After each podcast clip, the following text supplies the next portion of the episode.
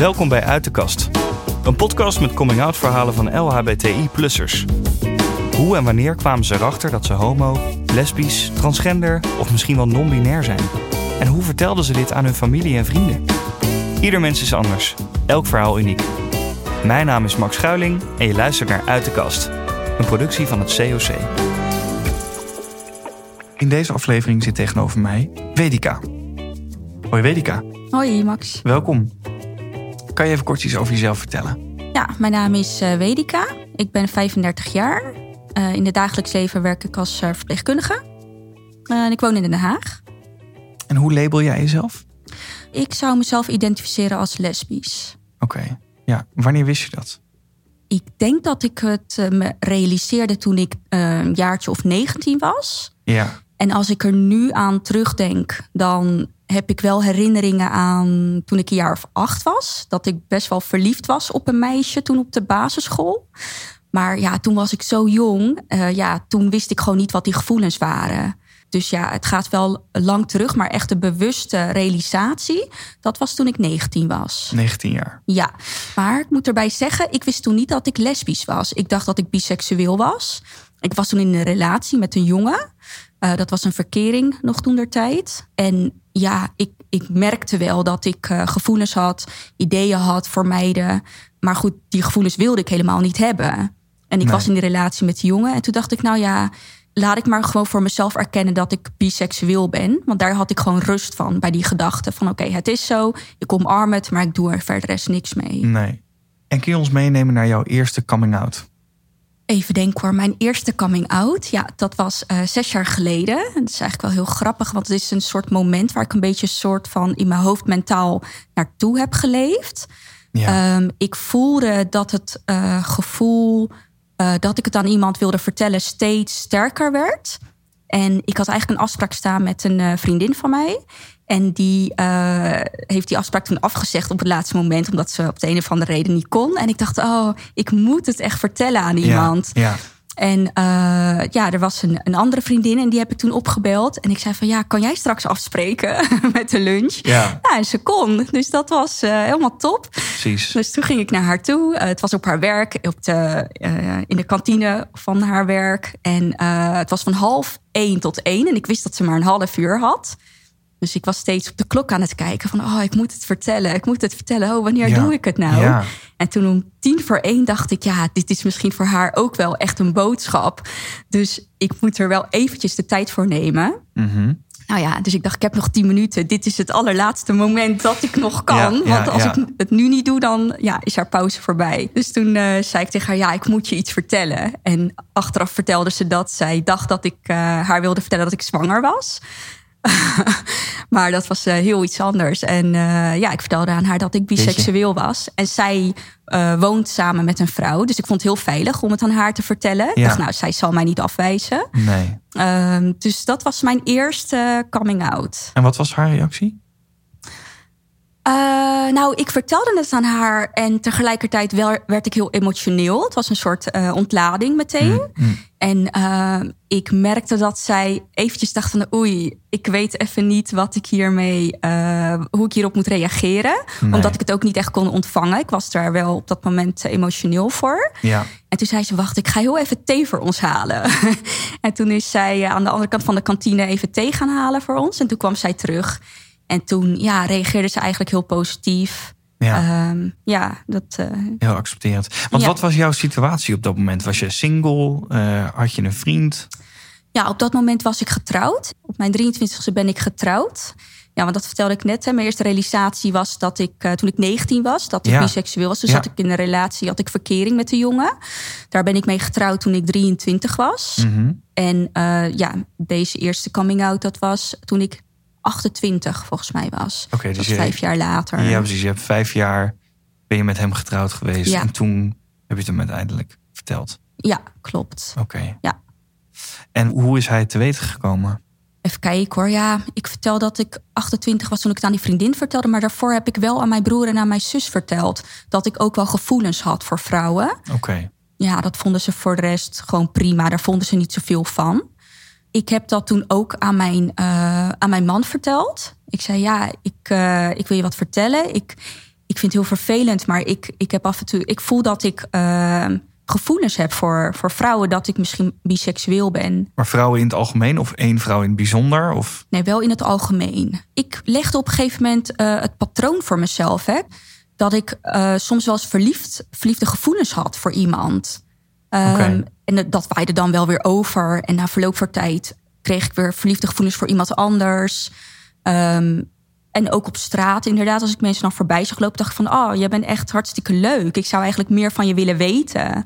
Ja, um, en dat waren allemaal vrouwen? Ja, dat waren eigenlijk allemaal vrouwen. En zo legde ik dat, ja, een soort van de puzzelstukjes. En dacht ik van, oh, maar zo zit het dus. Uh, ja, ja ik, ik, denk dat dit iets betekent, namelijk dat ik biseksueel ben. Mm -hmm. uh, dus dat heb ik toen tegen hem uh, gezegd. Ja. ja, en dat ja, hij vond het helemaal, helemaal niks negatiefs. En misschien deed hij dat ook wel om mij gerust te stellen. Dat hij mm -hmm. zoiets had van, nou, je zit je druk te maken over iets...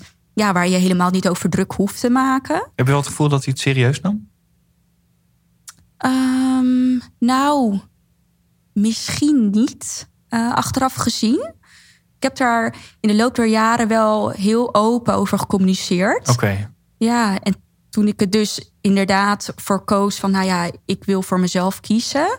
Het feit dat hij zei van, ja, dit had ik niet verwacht. Ja.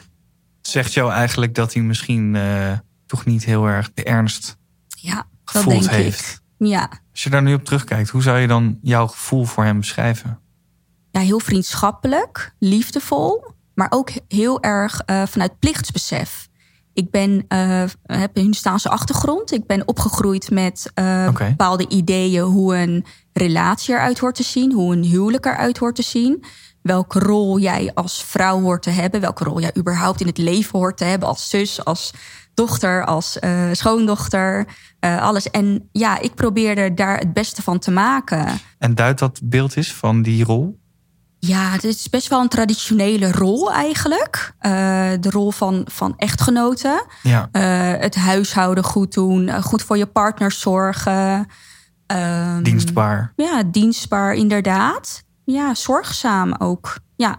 Wat ik jou wil zeggen is eigenlijk dat dat zat er al zo ingebakken in jouw systeem... dat er eigenlijk misschien niet eens een andere, andere mogelijkheid was. Ja, klopt. Ja, ik leefde heel erg van oké, okay, ik heb geleerd dat ik op die manier een goede dochter, familielid, echtgenote ben. Ja. En daar moet ik naar handelen. Mm. Zonder eigenlijk naar mijn eigen gevoel te luisteren en te kijken van oké, okay, maar wie ben ik en waar word ik blij van? Ja. ja. Je hebt dat wel een beetje doorbroken uiteindelijk. Ja, uiteindelijk wel. Um, ja, ik, ik begon me dat te realiseren. Ja, dat begon wel een beetje zo net na mijn huwelijk, denk ik. Dat okay. ik me ook afvroeg, ja, waarom doe ik bepaalde rituelen? Waarom hoort dit erbij? En er Ja. waren ook heel veel mensen die geen antwoord konden geven. Ja. Van, ja, eh, waarom strooien we met rijst? Ik zeg maar wat. Ja, of ja, ja, eh, ja, ja. waarom... Ja, dat doen we eh, gewoon. Ja, dat doen we gewoon inderdaad. En zo heb je zeg maar ook in het uh, Hindoestaanse huwelijk heel veel rituelen... waarbij ik me afvroeg van, maar waarom? En Ja. waarom houden we dit met z'n allen in stand? Als jij zoiets noemt als rijstgooi bijvoorbeeld, dat ja, lijkt een ogenschijnlijk eh, onschuldig ritueel natuurlijk. Maar als het echt gaat om het, de, de rolverdeling tussen man en vrouw, dan heb je toch wel in ieder geval eh, tot je 23ste dan, tot je ging trouwen, eh, wel echt naar die maanstaf geleefd. Klopt, ja. Daarom vind ik ook wel... Ja, na mijn coming out was het ook wel echt een, een, een, ja, een transformatie. Mm. Dat ik gewoon aan, over alles aan het nadenken ging.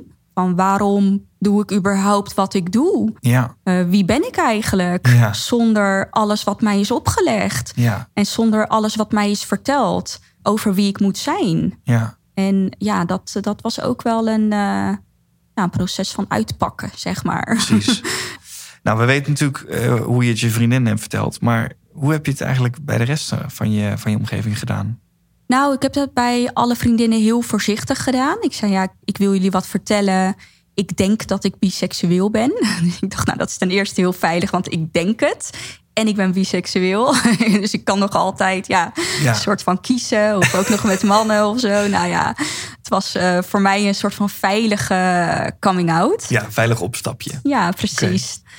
Ja, zij reageerden daar eigenlijk allemaal heel positief op. En ik had het ook wel nodig. Ja, die acceptatie eigenlijk. Omdat ik Ja. Eigenlijk van mezelf had bedacht van nou, mijn familie die zal het nooit accepteren. Omdat Nee. het gewoon heel erg een taboe is in, eh, in onze gemeenschap. Ja. Ehm, dacht ik van nou ja, ik heb het dan in ieder geval van hun nodig. En ik weet dat ik het ook zal krijgen. Oké, dus zij kwamen eigenlijk als eerste. Ja, zij Ja. kwamen als eerste inderdaad. En als Dus, die dan eh, achter je stonden, je, voelde je je misschien net even wat meer gesteund Ja, om... eh, zeker. Ja. ja, met hun ben ik eigenlijk in gesprek gebleven. Want ik merkte van, oh, ik heb hier eigenlijk niet voldoende aan... om het alleen aan hun te vertellen van, ja, ik ben biseksueel. Ik wil daar blijkbaar meer mee. Van, oh, ik heb twijfels, ik zit in een huwelijk... maar wat doe ik hier eigenlijk in? En Ja. moet ik het niet verbreken? ja. Ehm, En hoe reageerden je vriendinnen daarop? ja, ze waren heel supportive daarin. Ze, ze steunden me echt en ja, ze dachten echt met mij mee. En ja, probeerde het echt vanuit mijn perspectief te bekijken. En ze zeiden ook echt niet tegen mij van eh, wat je doet is verkeerd. Het was, ze waren heel erg van eh, ja, je moet doen wat goed voelt voor jou. Ze probeerden me wel de voor's en de tegens van, ah, van mijn keuzes te laten zien, zodat ik zelf ja, een eh, afgewogen besluit kon nemen Ja. in, in alles wat ik, eh, wat ik wilde. En ja, op een gegeven moment eh, heb ik toen met mijn ex-man eh, gesproken van... eh, ja, ik wil hier toch meer mee met dit gevoel. Toen zei hij Ja. van, nou, je bent vrij om te doen wat je wil. En ja, weet je, ik hoor het wel van jou. Hm. En op een gegeven moment, ik weet het niet, was het alsof het kwartje viel. een paar maanden later. Ik had ehm, geen afspraakjes met vrouwen. Ik had ja, überhaupt geen ervaring of, of iets. Maar ik dacht, ja, ik weet het gewoon 100% zeker. En ik zit eigenlijk iedereen in de maling te nemen. Ik zit hem in de maling te nemen, mijn familie, eh, mezelf vooral. En ja, ik weet gewoon wat ik wil. Ik wil hier gewoon uit. Ja, En toen dacht ik, ja, ik ga het nu zeggen tegen hem. Dus toen heb ik ook gewoon met niemand overlegd. Niet met, ook niet met die vriendinnen. Toen heb ik gewoon besloten van, ja, ik ga het gewoon nu zeggen. jeetje. Dus eh, dat heb ik toen eh, gedaan. En hoe was dat? Ja, ik herinner me dat het op een, eh, het was een avond. eh, en ik eh, zei, tegen hem. Nou, we hadden ja, in die periode wel vaker gesprekken daarover. En ik weet niet meer precies hoe het was gegaan. Maar ik zei tegen hem van ja, ja ik zit daar heel erg mee. En ik wil eigenlijk op mezelf gaan wonen. En ja, ik had niet per se bedacht hoe dat dan eruit zou moeten zien. En ik had nog nooit op mezelf gewoond ook. Want ik was van huis uit gelijk met hem gaan samenwonen. Ja, ja, ja. En daar eh, reageerde hij best wel ja, emotioneel boos op. Hij zei van, eh, ja, dit had ik gewoon niet van jou verwacht. En ik vind het ook wel egoïstisch. Ja, en dat, eh, Ja. zo was hij helemaal niet. Of is hij niet. Nee. Hij is eigenlijk heel erg, ehm, ook wel ondersteunend eigenlijk. Dus ja, ik wist wel dat dat zijn boosheid was. En Ja. ja. het was ook voor het eerst dat ik een echte reactie van hem zag. Hm. Ja, en daar heb ik het eigenlijk bij gelaten. En toen ben ik gaan slapen. Want ja, het voelde echt als een, ja, als een grote, ja, het was, het was echt een ontlading. Ik, ik, had, het, ik had het gezegd, het, eh, het hoge woord was gewoon gevallen Ja. op dat moment. Ja. En ik was daar heel erg moe van ook wel. Hoe ging dat dan met je familie? Nou, ik had het dus aan hem verteld die avond. En toen dacht ik van ja, shit, nu mijn familie. Inderdaad. En ik had ook best wel toegeleefd naar een moment dat ik eh, het aan mijn familie zou vertellen. En dat zij mij dan zouden verlaten. En dat was ook wel, eh, ja, ik merk dat ik eigenlijk een beetje nog steeds emotioneel word. Ah. Neem even lekker een slokje. Ja. Waarom word je nou emotioneel? Ja, dat zal ik vertellen. Ja, Ehm, dat je jezelf ehm, voorbereidt op ja, afgestoten worden door de mensen van wie je het meeste houdt. En de mensen die eigenlijk een soort van fundament vormen in jouw leven. En dan de gedachte en die eh, voorstelling, die had ik gewoon heel vaak in mijn hoofd. Dat ik mezelf soort van eh, van een klif afgooide. Niet om mezelf van kant te maken, maar om een, een sprong in het diepe, in het onbekende. Ja. Van ja, ik spring nu en ik weet gewoon niet waar ik terecht kom. Ik weet niet of ik überhaupt word opgevangen. Ik weet niet of ik te pletter val. Ik weet niet of ik in een mooi, mooi weiland terechtkom met hele mooie Nee. bloemen. Ik weet niet of ik ga vliegen. Ja, en, en dat beeld, soort metafoor eigenlijk, had ik heel erg in mijn eh, gedachten. Ja. En dat was gewoon heel eng. Dat was het engste van alles. Want ehm, ja, ik was gewoon ja, voorbereid om op mezelf eh, verder te gaan. Ja, Ja. En hoe groot achter jij de kans dat jouw familie zou 100 zeggen? procent. Echt waar? Ja. Terwijl je eigenlijk gewoon alleen maar op vrouwen valt. Ja, en toch is dat gewoon ja, nog steeds een crime. In heel veel landen en in de gedachten van heel veel mensen is dat gewoon iets wat niet kan, niet mag, Ja. strafbaar is, fout is, vies is. Ja, noem maar op. En hoe heb je het aangepakt? Nou ja, die avond heb ik het dus aan eh, mijn nu ex-man verteld. En toen dacht ik van, eh, waar we het net over hadden, oh shit, nu dan mijn familie. Ja, je kon niet meer terug. ik kon niet meer terug. Ehm, toen heb ik gevraagd of ik een uurtje eerder weg mocht van werk. Want wij hadden een afspraak staan bij mijn moeder om te gaan eten bij haar, mijn man en ik. En ik dacht, ja, ik moet iets eerder zijn, want dan kan ik het aan haar vertellen. En eh, nou, ik kwam bij haar, want zij verwachtte ons al. Mijn moeder die kan heel lekker kletsen. Dus eh, we hadden het over ditjes en datjes. En Ja, over van ja. alles en nog. En ik dacht ook van, oh, de klok tikt en eh, Oh, hij komt zo. Ik moet het vertellen. Ja. En ik dacht, ja, wat moet ik dan vertellen? En hoe moet ik dan vertellen? En ik kan niet zeggen, ja, we hebben een slecht huwelijk. Of hij is vreemd gegaan. Of ja, ik ben vreemd gegaan. Of ja, er, is, er mankeert iets, want er mankeerde niks. En we hadden ook nooit ruzie en dat wist zij. Is nogal een keuze om hem dan er gewoon ja, die avond nog wel bij te hebben. Ik heb nergens over nagedacht. Ja. Het leven ging gewoon door. En die afspraak die stond er. En ja, nergens over nagedacht. Alleen maar van, oh, hoe ga ik dit nu aan mijn moeder vertellen? Ja, ja. En ik heb eigenlijk ook niet helemaal niet meer stilgestaan over, bij dat, over dat verstoten worden. Nee, ik heb alleen maar bedacht van ik moet het droppen. Ik moet het vertellen. Want ja, zij moet het gewoon weten. Dus toen op een gegeven moment, eh, nou, waren we aan het praten. En ik dacht, ja, wanneer valt er nou een stilte? Maar ja, mijn moeder, die kan zo lekker kletsen, valt nooit een stilte. dus eh, op een gegeven moment zei ik van, eh, zei ik, ja, mam, ik ben heel erg ongelukkig in mijn huwelijk. En ik moest huilen. En toen zei ze, oh, Ja. en bij haar heb ik wel meteen gezegd dat ik lesbisch was. Mijn moeder snapt biseksueel niet. Wat is dat dan? En dan kan je toch bij hem blijven? Ja, ja, ik dacht, nee, ik ja. moet heel duidelijk zijn. Hij valt toch ook binnen die... ja. Hij valt ook binnen dat label, inderdaad. Nee, dus bij moeder moest je even duidelijk ik moest zijn. heel duidelijk zijn. Ik zeg, ja, ik, ik denk dat ik lesbisch ben. En ik moest heel hard huilen. En ja, en eh, ja, ze nam het heel serieus. En ze zei, eh, ze- stelde open vragen van oké, en eh, hoe moet dat dan verder met je huwelijk? En kan je jezelf niet proberen te veranderen? Ehm, ja, eh, hoe nu verder? Eh, wat heb je, hoe lang weet je dit? Eh, allemaal dat soort vragen. En weet hij het al? Hoe reageert hij erop? Ja, Was dus- ze boos? Nee, totaal niet. Nee, helemaal niet. Ja, en toen kwam hij. en toen zei ze dus van, ja, ik heb iets gehoord eh, van Vedika. En dat is dan dat, dat taboe, hè. Dat kan ze dan niet benoemen als eh, traditionele Hindustaanse vrouw wat ze dan heeft gehoord. Ze zegt, Ja. ja, ik heb iets gehoord van Vedika. Ja. ik ben er, eh, ja, ik vind dat heel erg voor jullie beiden. En zeker ook voor jou. Eh, en ja, ik zal er gewoon altijd voor jullie zijn. En je bent, blijft altijd welkom. Ja, Dus dat was haar reactie. Ja, Dat lief zeg. ja eigenlijk wel. Ja. Maar dat was nog, alleen nog maar je moeder. Ik heb het aan een paar nichtjes heb ik het wel eh, verteld, met wie ik samen ben opgegroeid. Mhm. Want die dachten ook van, huh, ik heb nu gehoord dat je, jullie uit elkaar gaan. Maar we hebben ook nooit gehoord dat jullie ruzie hebben. Dus hoe kan dit? En Ja, ja, ja, we zijn zo close.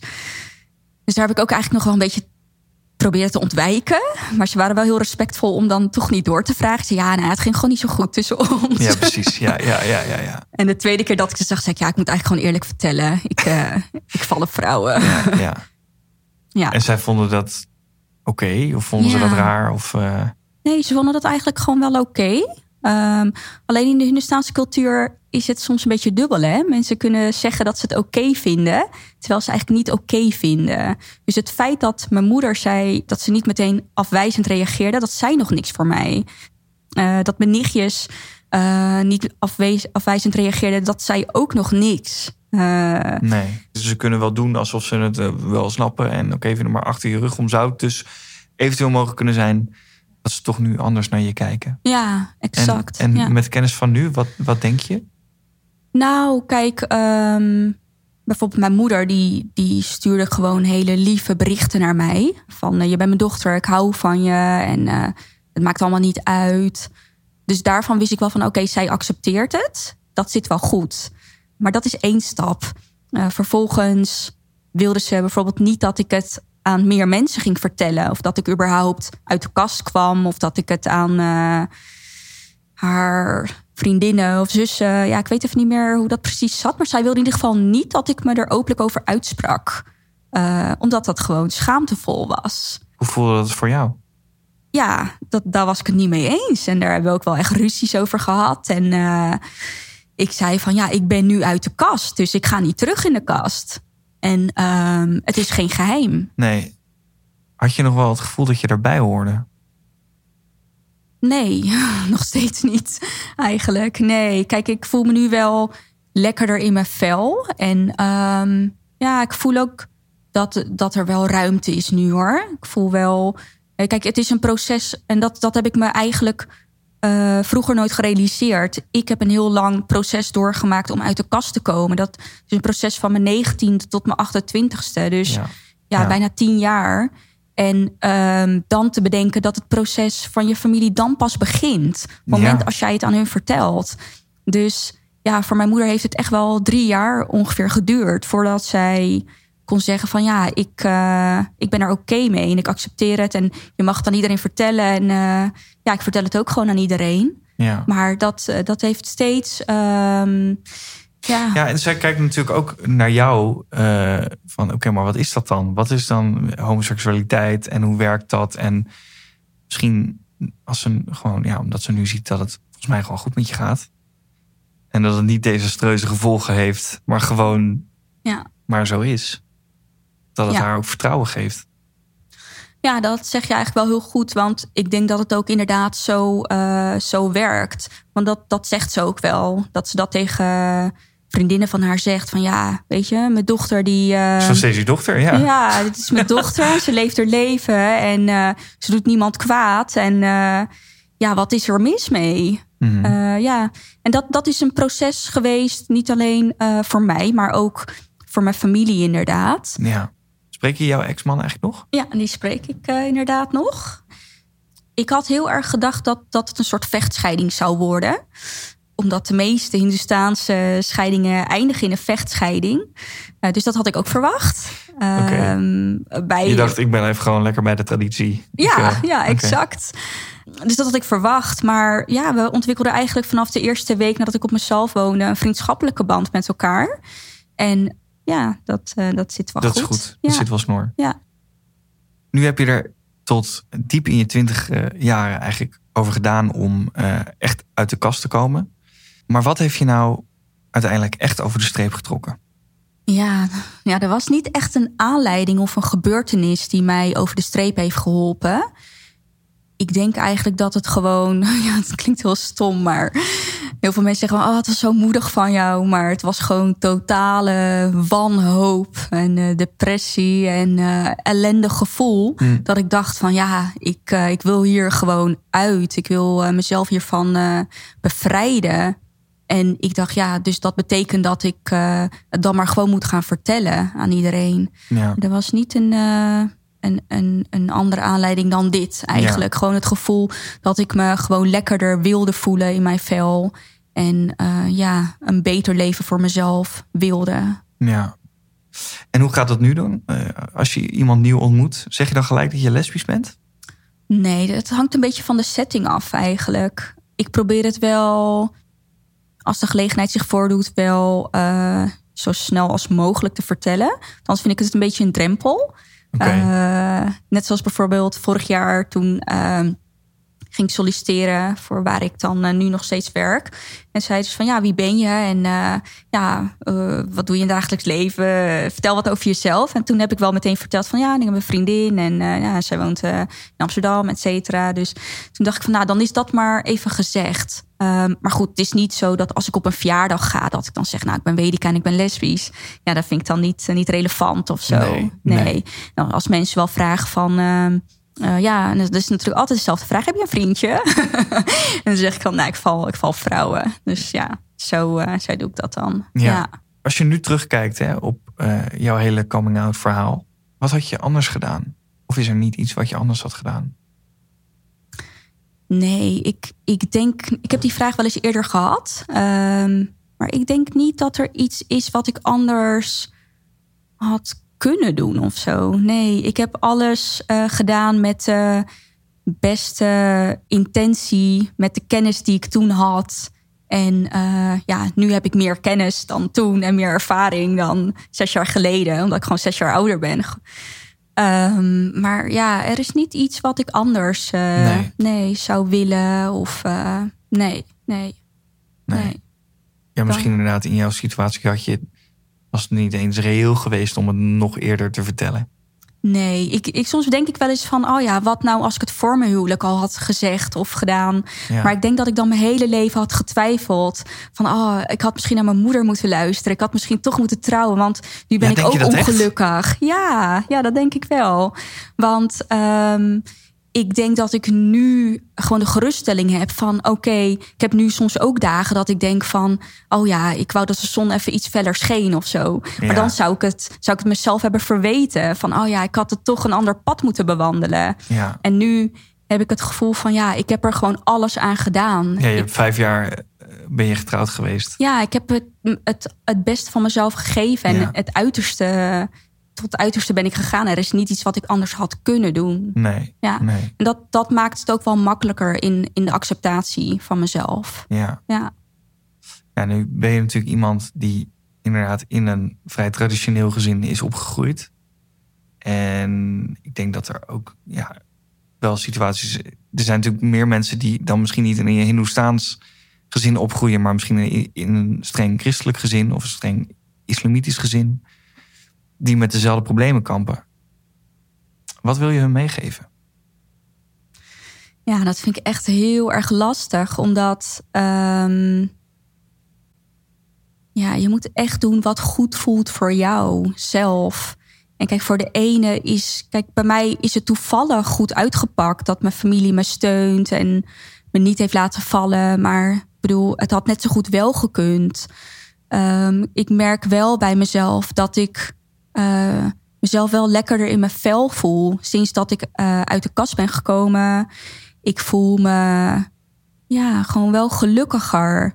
En ja, ik ben gewoon meer mezelf. En dat is wel iets ja, wat echt na de coming out is gekomen. Ja, dat, dat, dat stukje, dat, eh, dat kan je wel in jezelf, denk ik, vinden na, na een coming out. Maar Ja, Kijk, voor hetzelfde geld ehm, kan het ook zo zijn in een traditioneel gezin. Ja, als jouw familie je vervolgens ehm doodwenst. Ja, dan kan je wel lekkerder voelen in jezelf. Maar ja, dan ben je daar ook niet gelukkiger Nee, van. nee, Dus je moet echt doen wat, wat goed voelt voor jou. En heel veel mensen, ja, die kiezen ervoor om nooit uit de kast te komen. Maar ik zou ook niet willen zeggen, doe het. Of je, je moet het doen. Nee, voor sommige mensen is het gewoon beter om erin te blijven. Hoe stom het ook klinkt. ja. Maar ja, als het alleen maar om de veiligheid. ja, exact. Ja, het is niet voor iedereen vanzelfsprekend of beter om uit de kast te komen. Dat is niet zo. Nee. Nee. Ehm, maar ja, het, het Doe is, wat goed voelt. doe wat goed voelt. Doe en, waarvan jij denkt dat Ja. is. eh, dat en is probeer zoveel mogelijk in je, in je eigen waarheid te leven. Dat wel. Maar voor zover het mogelijk is voor jou. Ja. En er zijn gewoon meer mensen die hetzelfde probleem hebben.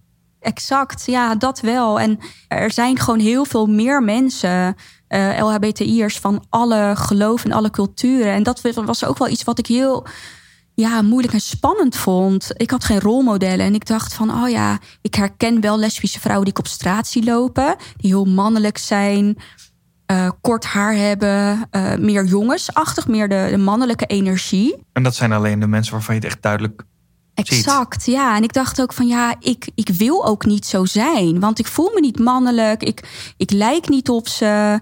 Ehm, maar ja, de, de werkelijkheid is gewoon anders. Eh, Lesbische vrouwen zijn gewoon zo divers van verschillende achtergronden, eh, achtergronden mannelijke energie, vrouwelijke energie. Het is gewoon heel divers.